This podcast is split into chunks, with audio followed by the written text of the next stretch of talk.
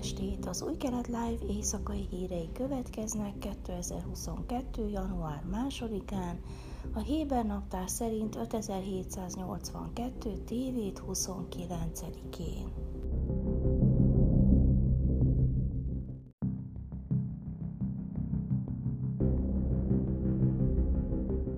A Védelmi Minisztérium aknamentesítője több száz szíriai lőszert robbantott fel vasárnap, melyeket a közelmúltban találtak abban a bunkerben, amely az 1967-es hatnapos háború után maradt fenn, amikor Izrael elfoglalta Szíriától a Golán fensíkot.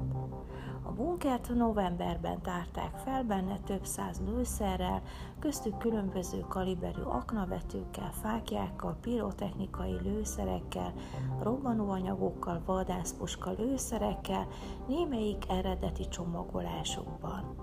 Az akciót vezető akna elhárítási hatóság úgy döntött, hogy a lőszereket a helyben robbantják fel, ahelyett, hogy a robbantási helyszínre szállítanák őket biztonsági agályok miatt.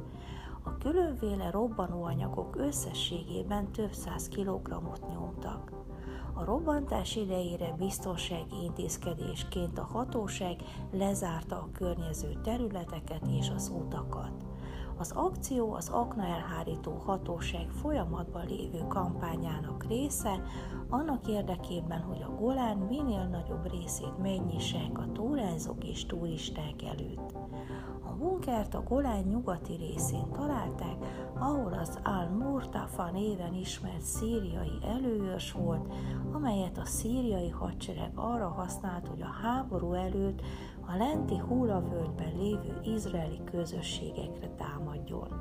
A környék ma az Alexandroni Dantár emlékművének ad otthont.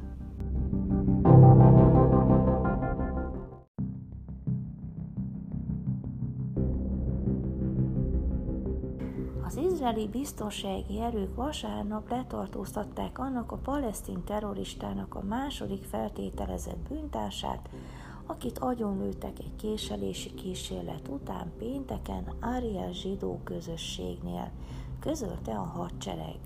A gyanúsítottat a szamáriai Haris palesztin faluban fogták el, nem messze a késelési kísérlet helyszínétől, vasárnap hajnalban. Péntek reggel a 37 éves Amir Atef Rayan Karavat Bani Hassanból késsel felfegyverkezve szállt ki egy autóból az Ariel melletti Gitai Avisár csomópontnál, és egy busz megállóhoz közelített, ahol civilek és katonák álltak. A helyszínen lévő csapatok tüzet nyitottak rá, és életveszélyesen megsebesítették. A terroristát végül a közeli kórházban halottnak nyilvánították. A katonaság azonnal hajtóvadászatot indított a terroristát a helyszínre szállító autó két utasa után. Az izraeli elők az egyik gyanúsítottat péntek délután fogták el, majd vasárnap reggel tartóztatták le a második feltételezett bűntársat, aki az autó sofőrje volt. A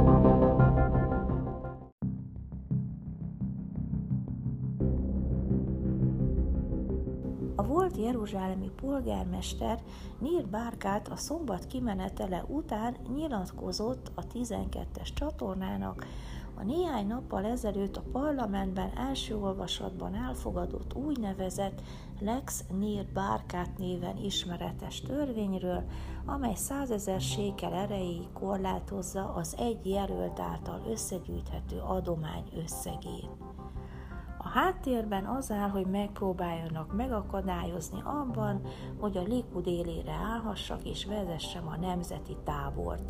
Kommentálta Bárkát az ellenzék és a koalíció közötti ritka együttműködést a parlamenti szavazás során.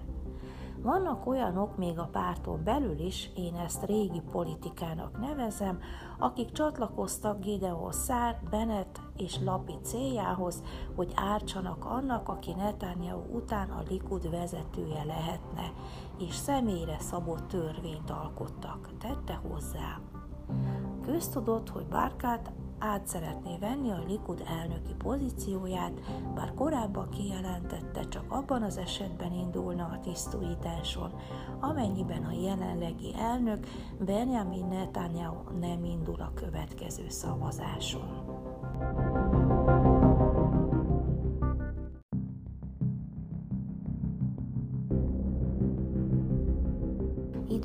Időjárás Hétfőn borús esős idő várható Jeruzsálemben 13, Hajfán 16, Eiláton 20, Ásdodban és Tel Avivban 19 fokra lehet számítani. Ezek voltak az új kelet live hírei vasárnap.